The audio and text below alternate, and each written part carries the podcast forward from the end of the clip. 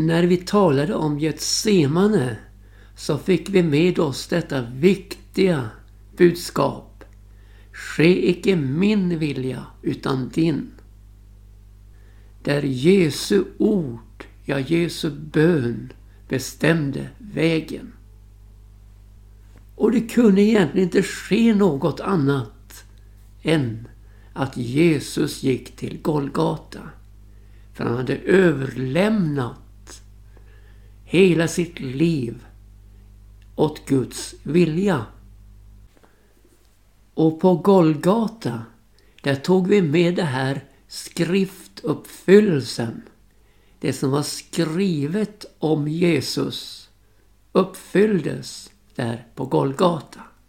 Och det var liksom ett inslag, ett oerhört viktigt inslag i den totala bilden om vad som skedde på Golgata. Och när Jesus ger sitt liv, rättfärdig, lider han, ja dör han för orättfärdiga.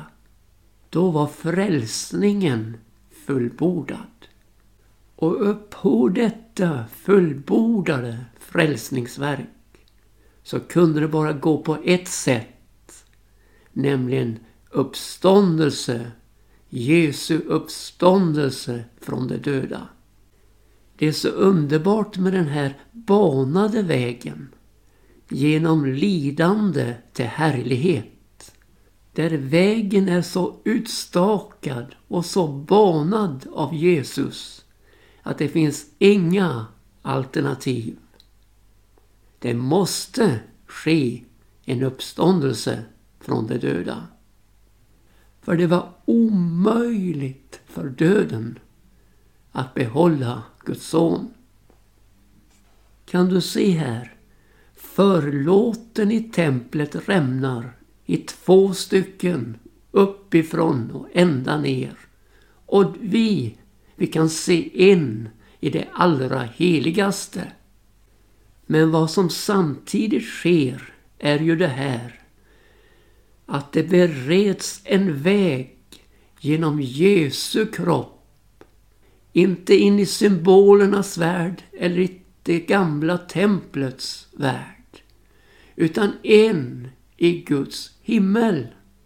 För Jesus, han invigde en ny och levande väg. Genom förlåten, genom sitt kött. In i själva himmelen. Och om nu gamla förbundets ingång i det allra heligaste en gång om året med en överste präst till att försona folkets synder så visar det ju sig att det var en dödens väg. Till lagen, Guds lag, som har givet oss till liv, blev oss till död på grund av synden.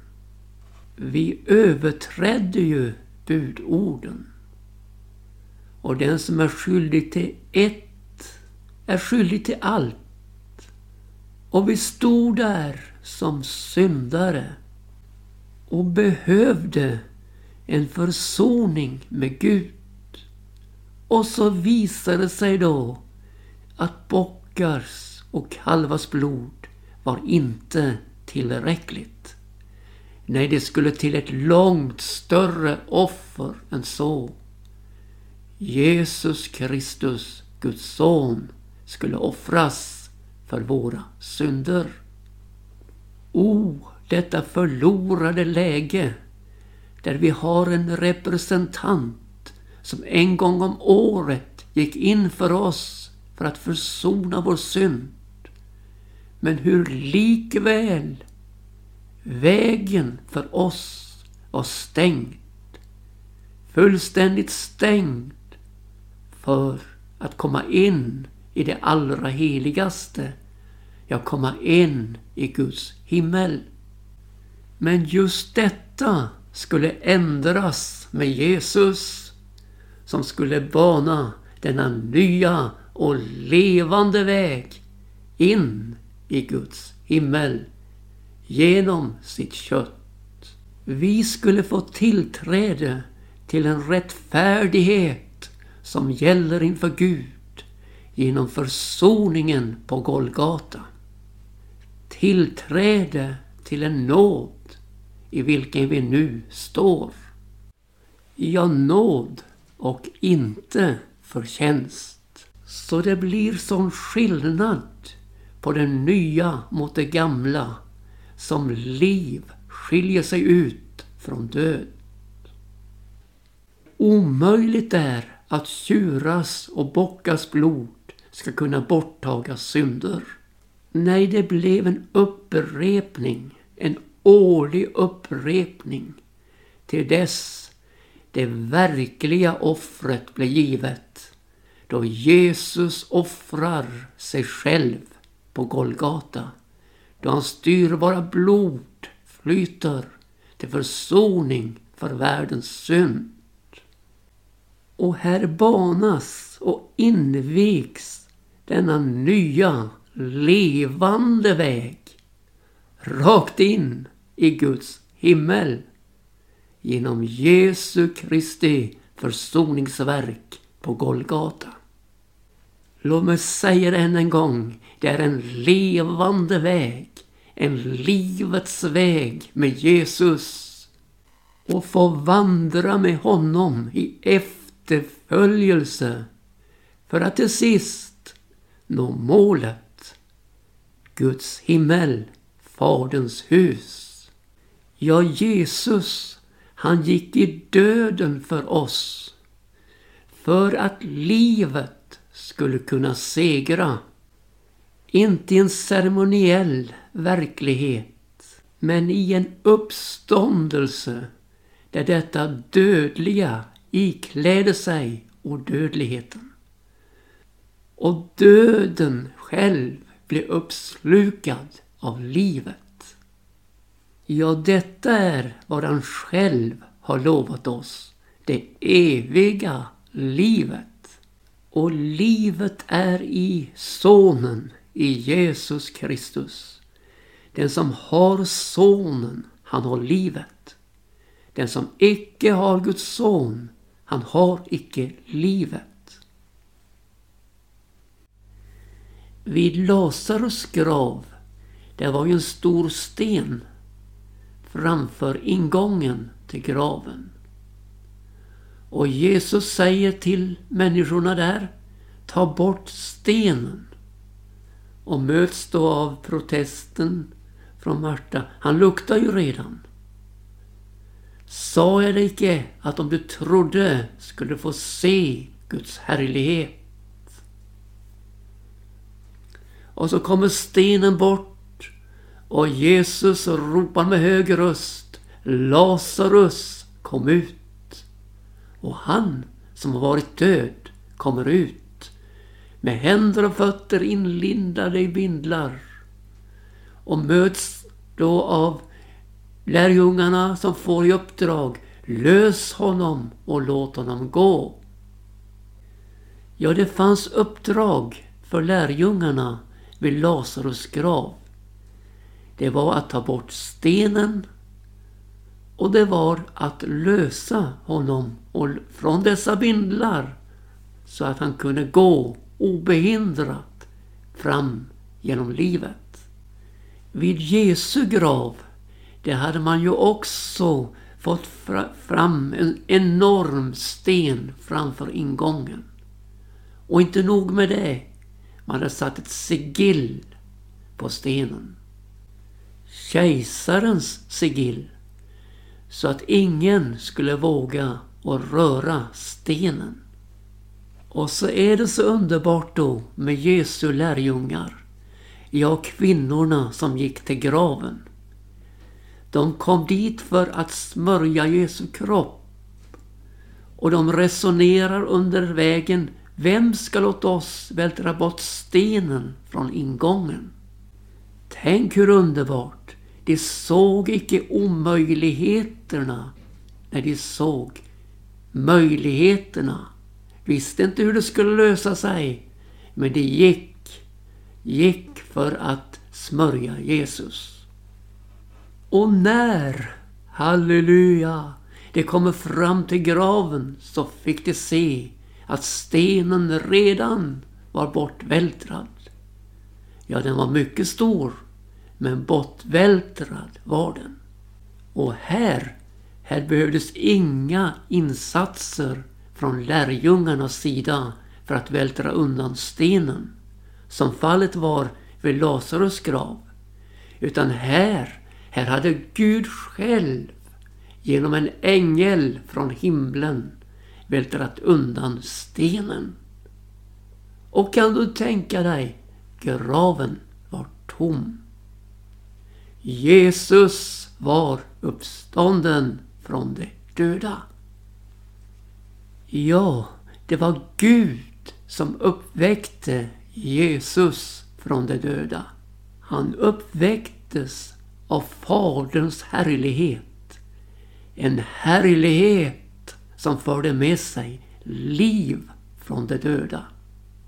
Och så personifieras denna härlighet i Jesus.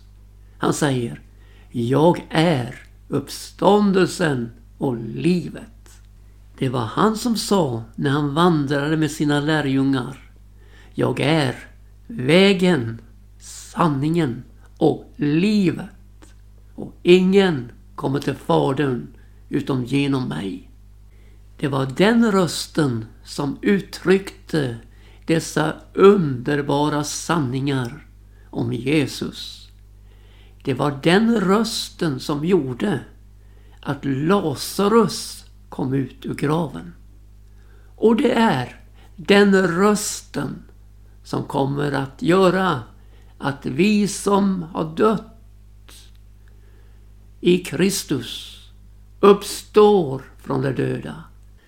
Alla som är i gravarna ska höra Guds sons röst och träda ut ur gravarna, prisat vare Herren. Ja, det sker i två etapper. Först ska det i Kristus död uppstå. Det lär oss skriften och samtidigt med denna enorma händelse så kommer de som leva, ja vi som leva då, att förvandlas och ryckas Herren till mötes på skyn för att för alltid få vara hos Herren. Och så kommer det längre fram i tiden en uppståndelse för de andra till dom. Det handlar om den första uppståndelsen när Jesus kommer igen. Eller den andra uppståndelsen till dom. Men det heter också om Jesus att han är den kopplingen av det avsomnade som uppstått. Ja, Jesus, han var först och vi, vi kommer efter. Ja, det var Gud som uppväckte Jesus från de döda. Nu är det inte den tomma graven som är vår tros inriktning. Utan det är den levande uppståndne Jesus. Han som visade sig livslevande för sina lärjungar.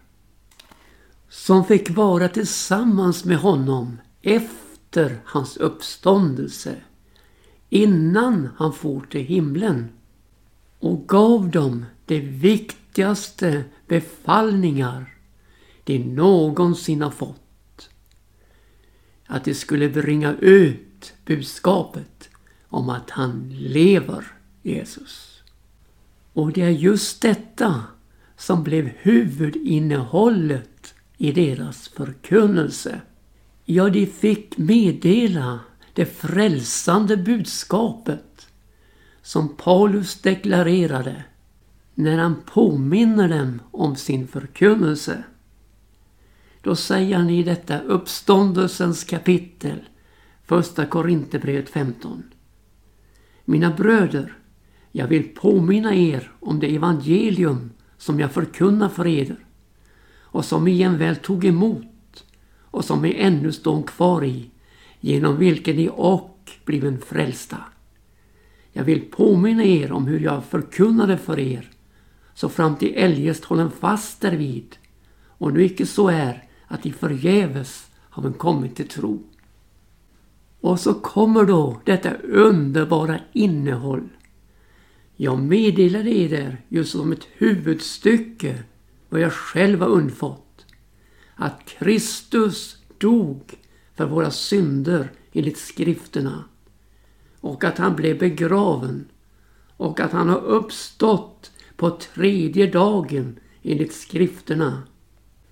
Och så berättar han då om dem som den levande uppståndne Jesus hade visat sig för. Ja, vår frälsning ligger just i detta. Att Kristus dog för våra synder enligt skrifterna. Han blev begraven och att han uppstod på tredje dagen enligt skrifterna. Det är det frälsande budskapet. Det är det budskap vi behöver ta emot för att bli frälsta.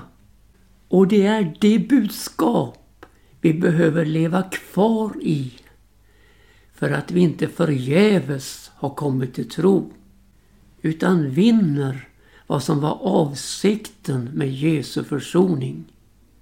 Våra själars frälsning. Och här möter oss igen att det är så lätt att få en sakramental ingång till det som har hänt. För om vi låter graven, den tomma graven, bli vår tros viktigaste innehåll, ja då har vi en tro på dödens premisser. Där vi söker en sakral helighet. Men med mötet med den levande uppståndne Jesus så får vi inte bara en livets inriktning. Mer än så, vi får livets innehåll. Vi får uppleva Jesus Kristus i våra liv. Jag tror nog du förstår vad jag menar. Visst noterar vi med glädje den tomma graven. Men det är ju inte där vi kommer uppehålla oss för alltid. Nej, vi vill ha ett möte med den levande uppståndne Jesus. Vi vill se honom där i örtagården. Vi vill se honom när han kommer innanför de stängda dörrarna där vi sitter med vår fruktan. Och vi vill vara med på strandbredden där han ställer de inträngande frågorna till oss. Älskar du mig? Älskar du mig? Jag älskar du mig mer än de andra? Och vi vill vara med honom upp på berget där missionsbefallningen ges oss Ja, där Jesus träder fram och säger Mig är given all makt i himmel och på jord. Gå därför ut och gör alla folk till mina lärjungar. Döp dem i Faderns, Sonens och den helige Andes namn och lär dem att hålla allt vad jag befallt er. Och se, jag är med er alla dagar, inte tidens ände. Ja, vi vill vara med honom under de 40 dagarna. Och vi vill vara med när han tas upp till himmelen från oss och se hans himmelsfärd. Och vi vill höra änglarna säga till oss Denne Jesus som från er har blivit upptagen till himmelen. Han ska komma igen på samma sätt som vi har sett honom fara upp till himmelen. Ja, du förstår min vän, vi vill ha vår tro fast förankrad i den levande uppståndne Jesus. För att leva det liv han har tänkt att vi ska leva. Det var han som sa, jag lever, ni skall och leva. Jag leva genom honom. Jesu uppståndelse är ju helt avgörande för vår tro och vår frälsning. Och tänk att Jesu uppståndelse har sin förutsättning i Jesu död. Ja, Jesu död och uppståndelse sammanflätas i försoningsverket. Uppståndelsen är en frukt ifrån det lidande hans själ har utstått. Som jag uttryckte så ofta, när Jesus dog kunde det inte ske någonting annat än en uppståndelse på den tredje dagen som skrifterna talade om. Och varför? Jo, därför att Jesus var syndfri. Rättfärdig led han för orättfärdiga. Jesus han kommer med detta syndfria, fullkomliga liv till Golgata och offrar det för våra synder. Och vi, du och jag, vi kommer döda i synder och överträdelser till Golgata.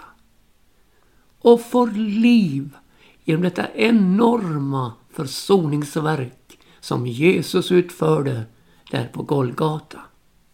Och hur döda vi nu än är i synder och överträdelser så kan det bara gå på ett sätt i våra liv när vi tar emot Jesus. Åt dem som tog emot honom gav han makt att bli Guds barn. Åt dem som tror på hans namn. Och det har blivit födda. Födda, icke av blod, ej heller av kötslig vilja, ej heller av någon mans vilja, utan av Gud. Tänk att vi får födas in i en tillvaro av Guds liv. Där vårt gamla liv är passerat. Men vi har fått träda in på underbart ny mark. I uppståndelsekraft uppståndelsekraftens härliga område med Jesus. Döden över vårt eget visar sig i liv i honom. Och nog kan det se ringa ut. Men missta dig inte. Det ligger en enorm kraft i den nya födelsens under i våra liv. Ja, det sker ett underbart uppståndelseverk i vår inre värld när vi tar emot Jesus. Vi blir nya skapelser i honom. Det gamla är förgånget och se, något nytt har kommit. Men detta uppståndelseverk i vår inre värld är som ett frö som en gång ska slå ut i sin fulla blomst när Jesus kommer. Ja, det är då detta förgängliga ska ikläda sig oförgängligheten och detta dödliga blir uppslukat av livet. Ja, skriftens ord ska fullbordas. Döden är uppslukad och seger vunnen. Du död, var är din seger? Du död, var är din udd? Dödens udd är synden och syndens makt kommer av lagen. Men Gud vare tack som giver oss segern genom vår Herre Jesus Kristus. Och detta frö som läggs i jorden, vårt liv, har alltså i sig fått en uppståndelsekraft given. Att en dag så ska det slå ut i sin fulla blomst. Det ser vi fram emot i full tillförsikt i tron på Jesus. Och nu ska vi få lyssna till Hans Lindelöv som sjunger sin underbara sång Jesus lever. Jesus lever, det är en verklighet Jesus lever, vem kunde ana det? Jesus lever och vi får leva. Vi får leva,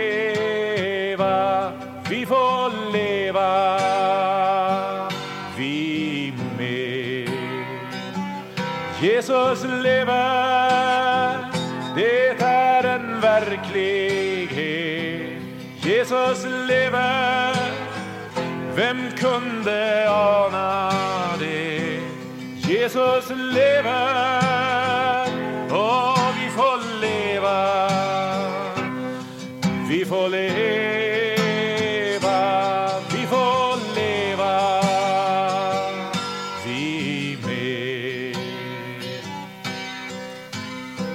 Vi som trodde att allt var slut att inget fanns att göra mer. Vi talar knappast med varann då plötsligt i vår mitt vi ser. Jesus lever, det är en verklighet. Jesus lever,